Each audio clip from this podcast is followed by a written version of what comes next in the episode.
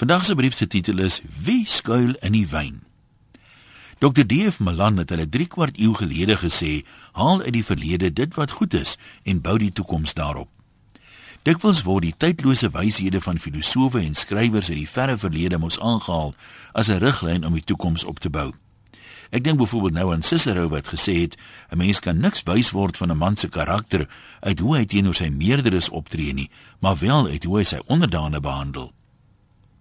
'n Ander wysheid waarna ek dikwels dink op feeste waar mense hulle tot die uiterste toe inspann om te ontspan, is die Romeine se gesegde dat die waarheid in die wyn skuil. Let wel, nie die kommingheid nie, die waarheid. Hoe ouer ek word, hoe meer dink ek dit is waar. As dit dan wel die kommingheid is wat uitkom, is dit omdat dit nog altyd daar was. Dis die eintlike waarheid. Die wyn het bloot die laagie vernis wat dit bedek laat verdwyn.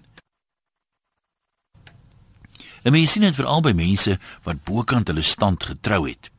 Ons almal ken tog dames wat gedoem sou wees tot 'n lewe van relatiewe eenvoud in die tikster spoel, was dit nie dat hulle oor genoeg erotiese kapitaal beskik het om 'n dokter te verlei nie.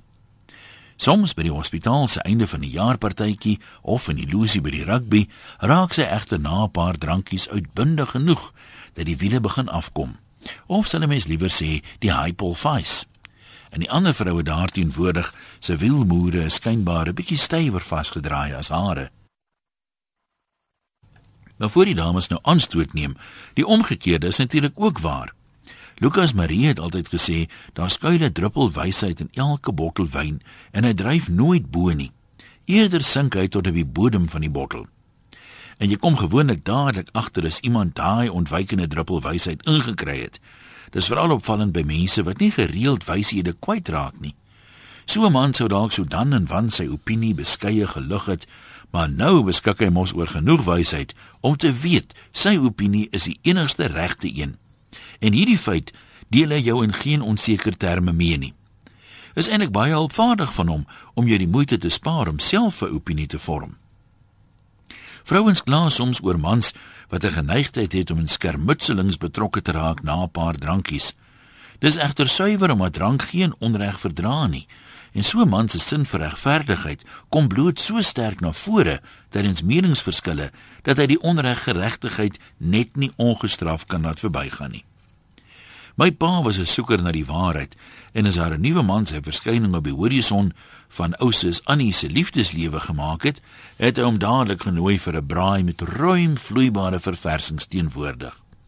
Pa sou dan gesels oor enige iets van rugby en politiek tot godsdiens en hoe 'n man en 'n vrou soms kan verskil. Dikwels was dit dan ook die laaste sien van die kerel. Wel, ek het my huidige werk ook op die manier gekry. Die werksonderhoud is gehou tydens 'n kroegete. Jy weet, 'n pub lunch.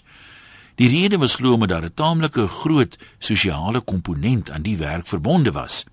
Ons moet gereeld kliënte onthaal en sorg dat hulle die maatskappy se vele golfdae geniet. Dis was dit vir die baas noodsaaklik om te weet wie word tot watter mate ontmasker as die waarheid in die wyn aan die teenwoordiges geopenbaar word. Dis ook nie presies wat dokter Malan bedoel het nie, maar in 'n sin het ek my toekoms gebou op daai pub lunch uit die verlede. Gesondheid en rondheid, 'n groete van oor tot oor. Anoniem.